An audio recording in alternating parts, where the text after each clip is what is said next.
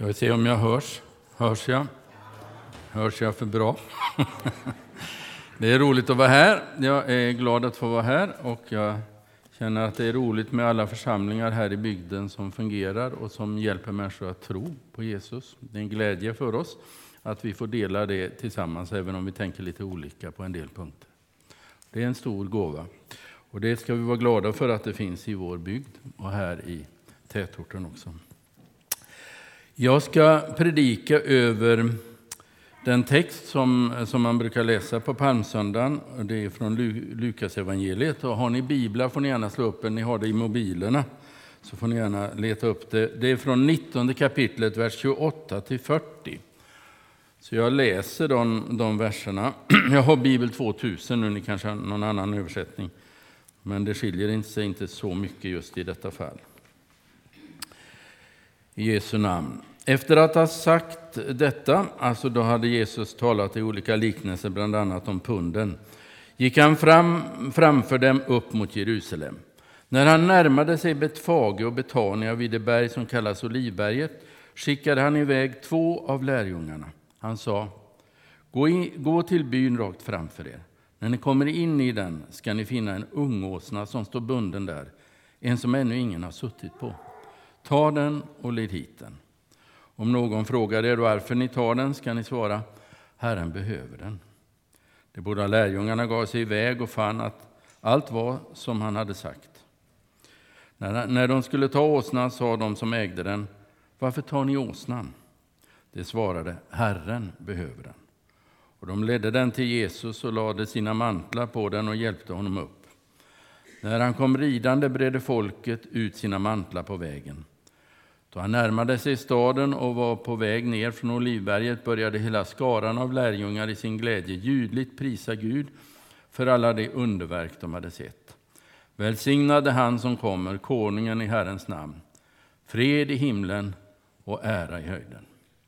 Några fariseer i folkmassan sa då till honom, Mästare, säg åt dina lärjungar att sluta. Han svarade, jag säger er att om de tiger kommer stenarna att ropa. Vi ber. Herre, låt ditt ord slå rot i vårt innersta så att vi får en tro som bär i liv och död. Vi ber om det i Jesu namn. Amen. Eh, det var så att vår nuvarande kung, när han, det vet ni kanske, när han gjorde sin Eriksgata gjorde han ju den också här i Markbygden. Eh, 1975 så passerade han Örbyskolan, bland annat. Då stod de alla barnen på Örbyskolan stod med en liten flagga. Och sen kom, det här, jag var inte med, jag har bara hört det. Och då, då stod de där och väntade och så kom han i en stor limousin och det var ju skydd runt med olika, eh, olika säkerhetsvakter eh, och annat. Men han körde då med den, eller åkte i den och så kom de förbi svängen där nere, ni vet vid den här konstiga halvrondellen i Örby. Så svängde de där upp mot Svenljunga. Han kom, alla viftade. Efter tre sekunder var han borta. De hann bara vinka lite och sen försvann han. Idag så läser vi om en kung som kom och som kommer ständigt till oss. Och Det gör att det är så mycket mer hoppfullt. Det är inget fel på Carl Gustaf, eller det är det säkert också på, liksom på mig. Men han som kommer till oss är det inget fel på oss. Han kommer till oss varje dag, varje stund för att möta oss var och en. Och jag tänkte då lyfta fram detta. Alltså, det finns så mycket att säga, men det finns ju i Sakarja i 14 kapitlet en profetia om Oljeberget och Sionsberget. Och det ska öppna sig mellan dem eh, och öppna sig eh, eh, i den yttersta tiden. Och egentligen är den yttersta tiden, det första steget i den, är att Jesus har kommit och rider in i Jerusalem. Och när det utläggs i Nya Testamentet så är det många gånger så att man syftar till tillbaka till Sakarja, att det är Jesus-händelsen. Sen finns det en uppfyllelse längre fram, det är också sant.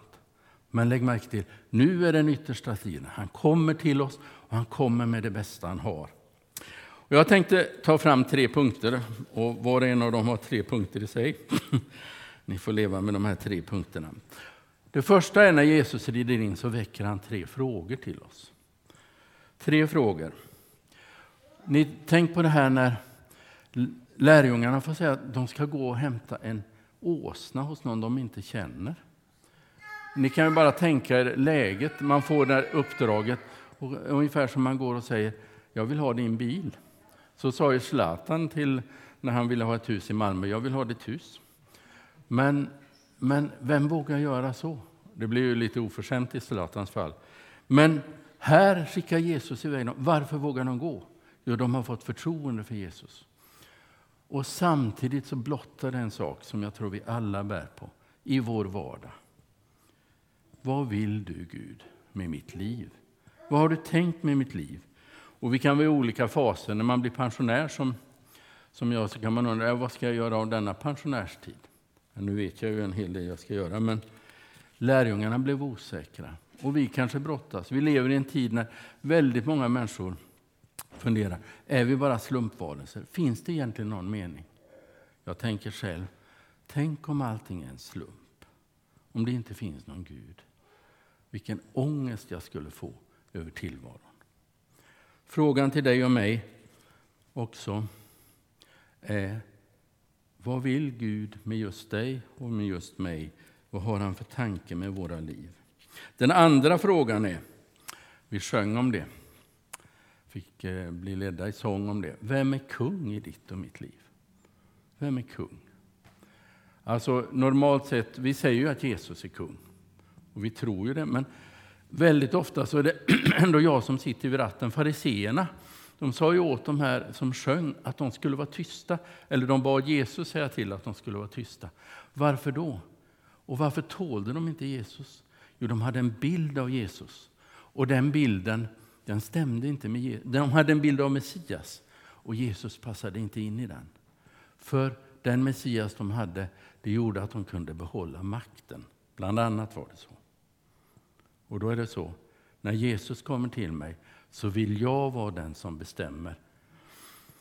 Jag har en dotter som skulle övningsköra med mig.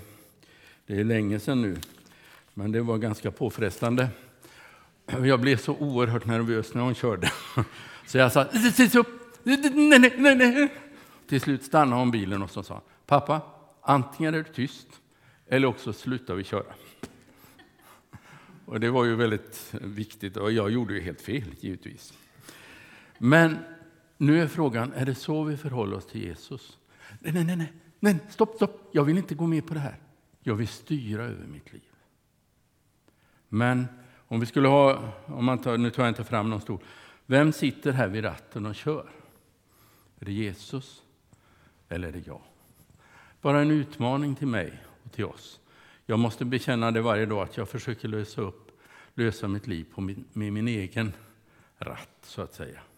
Jag försöker få Gud med på mina villkor. Hur är det för dig? Och den tredje frågan. Om dessa tigerska stenarna ropar, vad ropar stenarna? I Habakkuks bok i Gamla testamentet så talas det om stenarna som ropar. Och de ropar om en dom över Jerusalem för att de har vänt Gud ryggen. Och jag vet inte, jag, jag var i Israel eh, i slutet på 70-talet, så var jag där en termin. Och då fanns det en stad som heter Korasin som Jesus nämner. Och då gjorde vi ett studiebesök där uppe i Galileen. Och när vi körde dit så var det inhägnat och låst med, med stängsel och så var det bara en stenhög. Och kommer ni ihåg vad Jesus sa? Ve dig Korasin, ve dig Besaida. Ty om de gärningar som, som är gjorda i dig hade blivit gjorda i Tyres och Sidon eller Sodom och Gomorra så hade de för länge sedan gjort bättring. Vi kan veta mycket om Gud, vi kan ha hört mycket om Gud, men när vi går vår egen väg så ropar de här stenarna. Och de ropar en dom, det är ena sidan av det. Herre, Herren vill säga, vänd om om du går på fel väg. Så de tre frågorna kan vi ha med oss. Vad vill Gud med mitt liv? Vem är kung i mitt liv? Och vad ropar stenarna? Det är jobbigt att tala om Guds dom och vi vill inte tänka det. Men egentligen när vi tänker på det som händer i Ukraina så är det väldigt skönt att det finns en universell rättvisa. En gudomlig rättvisa. Men det värsta med den, att jag också ska ställas under denna rättvisa. Mina tankar, mina ord och mina gärningar. Och då är den här texten en sån underbar hälsning till oss. Och det är det andra jag vill ta upp. Han vill ge oss en kungaskatt. Jesus vill ge oss en kungaskatt. Det är en skatt som är ofattbar. Var är han på väg? Jo, han är på väg upp till Jerusalem. Och tre gånger har han på den här vandringen, som börjar i nionde kapitlet, börjar det ett avsnitt som beskriver det. Så tre gånger säger han, Människosonen ska överlämnas i syndares händer och dö. Varför går han till Jerusalem? Jo, han går till Jerusalem för att vi har ställt till det. Han samlar alla världens synder, de som har gjorts från världens, från Adam och Eva, fram till idag och framöver. De samlar han ihop och så bär han dem och så blir han själv ett offerlamm som bär dina och mina synder. Jag läste, hörde, ni som är naturvetare vet bättre än jag givetvis, på också många andra punkter. Men då är det så att där är, man säger om man packade ihop all materia och tog bort allt mellanrum mellan, mellan atomerna så skulle man, och molekylerna skulle man kunna pressa ihop allting till ett enorm, en enorm svart massa, eller en svart massa som, som kanske inte var så stor, men skulle vara fruktansvärt tung. Och nu är det så att all den massa av synd som vi har gjort, den har pressats ihop. Och så står det i Andra Korinthierbrevet 5 att den bär Jesus. Han blir till synd, han blir ett syndoffer som bär upp det på korset. Och nu kommer han ridande och vill han ge den här kungaskatten. Och lägg märke till, skatten finns gömd. Ni vet när man gick in i en pyramid. Under många gånger har man ju gått in och hittat enorma skatter. Men den här skatten är gömd under ett kors. Och när man kommer fram till det korset så öppnar sig några gåvor som är fantastiska. Bara nämna den första. Den första skatten, fred i himlen. Guds fred. Eh, och Gud har skapat fred mellan oss och honom därför att han har burit vår synd. Jag minns för länge sedan när jag var ung så läste jag om en japansk soldat som man hade hittat på 1960-talet som var på en öde ö. Och när man närmade sig sköt han. Man lyckades få stopp på honom. Men han trodde fortfarande 20 år efter fredsslutet att det var krig. Han hade inte nåtts av budskapet om fred. Men när Jesus rider in i Jerusalem så kommer han inte som en stridsfurste. Han kommer med fred. Och när han kommer med fred så kommer han med den vita flaggan och säger nu är det fred mellan Gud och er. Ta emot mig. Jag kommer till er och jag börjar om er. Detta är en underbar hälsning till oss. Vi kan känna så här, jag försöker få till det med min tro. Men det blir inte så bra. Eh, så kan jag känna i alla fall. Och då kommer han ridande. Han kommer stillsamt till oss. Han kommer i sitt ord. Han kommer med en hälsning. En morgon när jag vaknar och är nästan förtvivlad över mitt liv på olika sätt. Och jag försöker få till det. Jag försöker att inte tala illa om människor och så slinker ut den ena grodan efter den andra. Och så kommer han ridande till mig och säger Du, nu börjar vi på nytt. Jag kommer till dig också idag. Det är ingen ursäkt för att fortsätta med det, men det är en underbar hälsning att Gud har inte gett upp oss. Och den här profetian i Sakarja 9, 9-10 som just det här syftar på, där talas det om det är en väldigt märklig bok, Sakaria. skriven ungefär när de byggde upp templet på nytt på 500-talet, alltså ungefär 500 år före Jesus kommer. Och då står det att mitt i att Gud, det har varit en dom över Israel, så att Gud har flyttat ut ur templet, så handlar Sakarja om att nu kommer Gud tillbaka. Och så kommer det en kung. Och så står det att se, din konung kommer till dig. Saktfärdig, ödmjuk är han, ridande på en åsna. Och ordagrant så sägs det att det kan översättas så här. Rättfärdig är han, seger är honom given. I ringet står det, men det står också slagen kommer han. Det vill säga, här kommer han som bär mina fel och brister, mina underlåtelser och börjar om. Det är den första skatten. Och Paulus kan skriva om det här. Nu ska jag inte ge mig in i Romarbrevet, för det är så fantastiskt, Romarbrevet. Men då börjar det i 1.18 att beskriva hur vi alla, ingen kommer undan, alla står under dom. Och så, så kommer tredje kapitlet, vers 21-26. Och då beskrivs det att Ni vet, i templet fanns den innersta i det allra heligaste stod nådastolen. Och det var försoningsstället, översätts det ibland med. Och då säger han, nu har Gud ställt fram en försoningsplats. Det vill säga, det här nådastolen som var gömd bakom ett draperi och gömd bakom templet. Nu har den ställts fram så alla kan se det. Och var är det? Det är på korset. Där öppnar Gud liksom en dörr för oss. Så därför finns det hopp, det finns fred och då kan man känna så här. Idag känner man inte särskilt frälst. Men korset säger att Gud har skapat fred. Jag kan vara som den japanske soldaten som ligger där och skjuter på allt. Men Gud säger, korset står där, då finns det fred, det finns förlåtelse. Oberoende av vad du känner. Eh, eh, fastän du ej kan känna och se det, så fastän jag inte kan känna och se det, så är Gud glad i mig. Korset hälsar det. Eh, och det, det, är en underbar hälsning man kan känna. Martin Luther skriver på ett ställe så här att dina synder är inte där du ser och känner dem, här i min kropp, utan de är uppspikade på korset med Kristus. Eh, det är den, den hälsningen som kommer här, att han kommer med, med det. Sen hade ni det andra i den här hälsningen, att han kommer, han kommer med fred. Men han kommer med en sak till. När han kommer på åsnan så fanns det en profetia i Gamla testamentet. Och då alla som såg det, då började det ringa lite klockor här uppe. Inte tinnitus, utan det började ringa. Ja, det är ju det löftet i Sakarja för 500 år sedan. Att det ska komma en kung. Den kung som vi har väntat på. Och Det är en hälsning som också de fick vara med om när Jesus sa gå och hämta åsnan. Ja, men ni ska bara säga Herren behöver den. Då hade de ett löfte med sig. Och när de gick fick de se löftet höll. Och det är hälsningen till oss. Gud håller sina löften. Han har gett oss sina löften.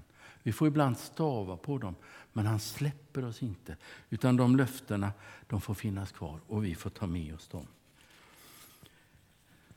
Eh, om, I Hebreerbrevet eh, kapitel 1, vers 3 står det att han håller hela, uppehåller hela universum genom sitt ord. Och hans ord är ju hans löften. Och Det betyder att när vi lyssnar på Guds löften och på bibelordet så är vi närmast universums centrum. Vi är så att säga i navet i hela universum, där Gud talar. Gud sa och det blev. Vi är där i det innersta. Vi hör Guds hjärta slå. Korset och det här ordet, löftet som han har gett. Och så den tredje skatten, det är det som lärjungarna fick vara med om och som vi längtar efter. De gick på Guds löfte och de fick se att det var så. Jesus han frågar Fadern, han är ett med Fadern och han går till Jerusalem för att dö, men han uppstår också. Och Det är att han vill leda oss. Gud har lovat att leda oss. Han ska inte överge oss. Han kommer leda oss. Den som jag ska leda dig där du går bedjande fram, står det i Jeremia 29. Och kanske när han säger det här, stenarna ska ropa, så kanske han säger så här, tänk på en sten. I efterhand kom de att tänka på det. Tänk på den stenen som var för graven. Den rullades ju undan. Den stenen ropar, han är uppstånden. Han lever. En eh, präst som har betytt mycket för mig, han heter Ulf Grenstedt. Han skulle prata om predikan, så sa han så här. Predikan dör när du skriver ner den. Det här är ingenting. Den uppstår i predikstolen. Men det är lite så med vårt liv. Vi ska ha ett möte med människor. Vi är lite rädda för det här mötet. Men mitt i det så är stenen bortrullad och Jesus uppstånden. Och han vill uppstå där mitt i det. Mitt i vår församling. där vi kan, Det är ju så i alla församlingar. Jag vet inte hur det är här, men i varje fall i alla församlingar jag känner till för övrigt. Så är det alltid lite, lite så här gnissel på olika sätt. Och det, en del människor är jobbiga, andra är jätteunderbara. Och, andra är, och jag själv ska vi inte tala om hur jobbig jag är. Men det är ju så med oss alla. Och så, ska, ska det här, så kan vi undra, hur ska det här bli? Men Jesus själv vill uppstå mitt i all mänsklig ofullkomlighet och svaghet. Och jag tänker på Sverige som sekulariseringen gör ju att vi flyttar ut mer och mer i periferin. Men hälsningen är, vi är på segersidan. Vi är på den sida där den uppståndne Jesus är. Och när han är med så kan ingenting, ingenting rycka oss ur hans hand. Därför är det så stort att få känna det. Ja, men han är nära mig. Och så ber vi, och det är den uppståndne Jesus som hör, och han är med oss. Det var det andra jag ville lyfta fram. Eh, och så kommer jag till det avslutande strax. Den andra att han vill ge oss en kungaskatt. Fred med Gud, sina löften och så att han har lovat, jag ska leda dig. Och så allra sist, den tredje saken. Han ger oss en väg att gå. Kungsleden. Är det någon av er som har gått Kungsleden? Några har gjort det. Då vet ni att jag läste bara på STF. Jag har bott där uppe men jag har aldrig gått den. Jag har gått någon bit. Men jag läste att det är en sån led som både den avancerade och nybörjaren kan gå. Jag vet inte om det är sant. Men, men i alla fall så är den, den är väldigt tillrättalagd. Nu är det en kungsled som är gjord. Och den kungsleden är Jesusleden. Den leden som han har skapat och som han vill visa oss. Lägg märke till hur det stod alldeles i första versen jag läste. Efter att han hade sagt det här gick han framför dem upp mot Jerusalem. Och det kan vi ha med oss. Var vi än är så är Jesus där före oss. Det var en man som skulle börja ett nytt jobb. En del av er eh, säkert sett det. Och det var ett jobb han hade ett litet skrivbord på det nya jobbet. Han hade aldrig varit på arbetsplatsen och han var rädd för det här nya jobbet. Och så bad han, Herre, hjälp mig nu när jag ska börja det nya jobbet. Jag är nervös. Visa mig att du är med mig. Så när han kommer till sin arbetsplats så, så är det en vanlig arbetsplats, helt profan, kommunal inrättning. Och så ovanför det här skrivbordet så hänger en Jesus-tavla. Ingen vet varför den hängde där, men den hängde där. För honom blev det så starkt. Jesus är här före mig. Och så är det för oss var och en. Jesus är här före mig. Vi ska till sjukhuset. Vi är rädda, har vi en sjukdom? Och vi vet kanske att vi har en sjukdom. Vi kanske vet att, att eh, olika saker gör att prognosen är ganska illa. Jesus är där före oss. Vi kanske brottas med barnen på olika sätt. Hur ska det bli för dem? Jesus är där före oss. Det är en underbar hälsning bara i den här texten. Gick han framför dem upp till Jerusalem?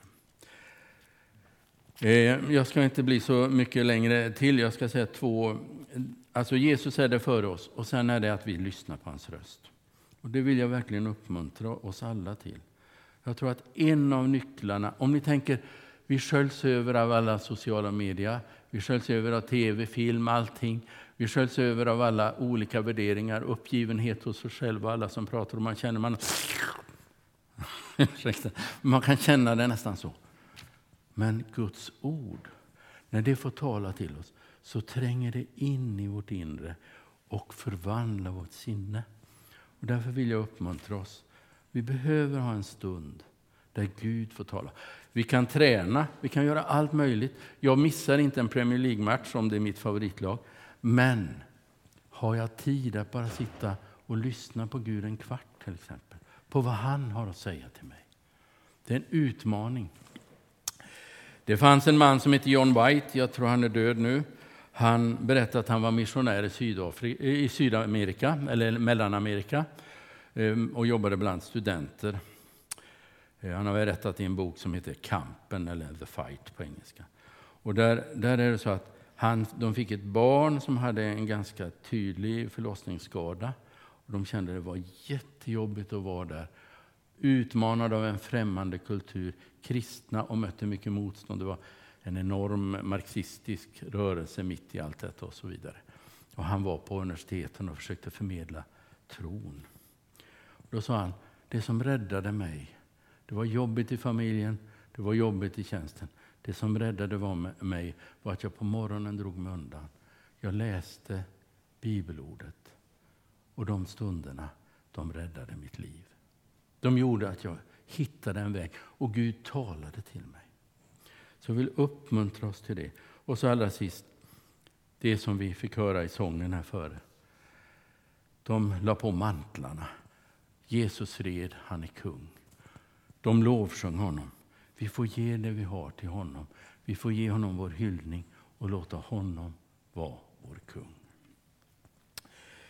Eh, han vill vara vår kung. Och då kanske det är så för oss, några av oss, att jag har trappat ner detta med Jesus som kung. Och då kan det vara bra att vi bara blir stilla en liten stund och inför oss själva och inför Gud säger Herre, var du min kung. Var den som sitter vid ratten i mitt liv. Tack för att du vill göra det och att du vill ta hand om mig. Vi blir stilla och så ber vi kort.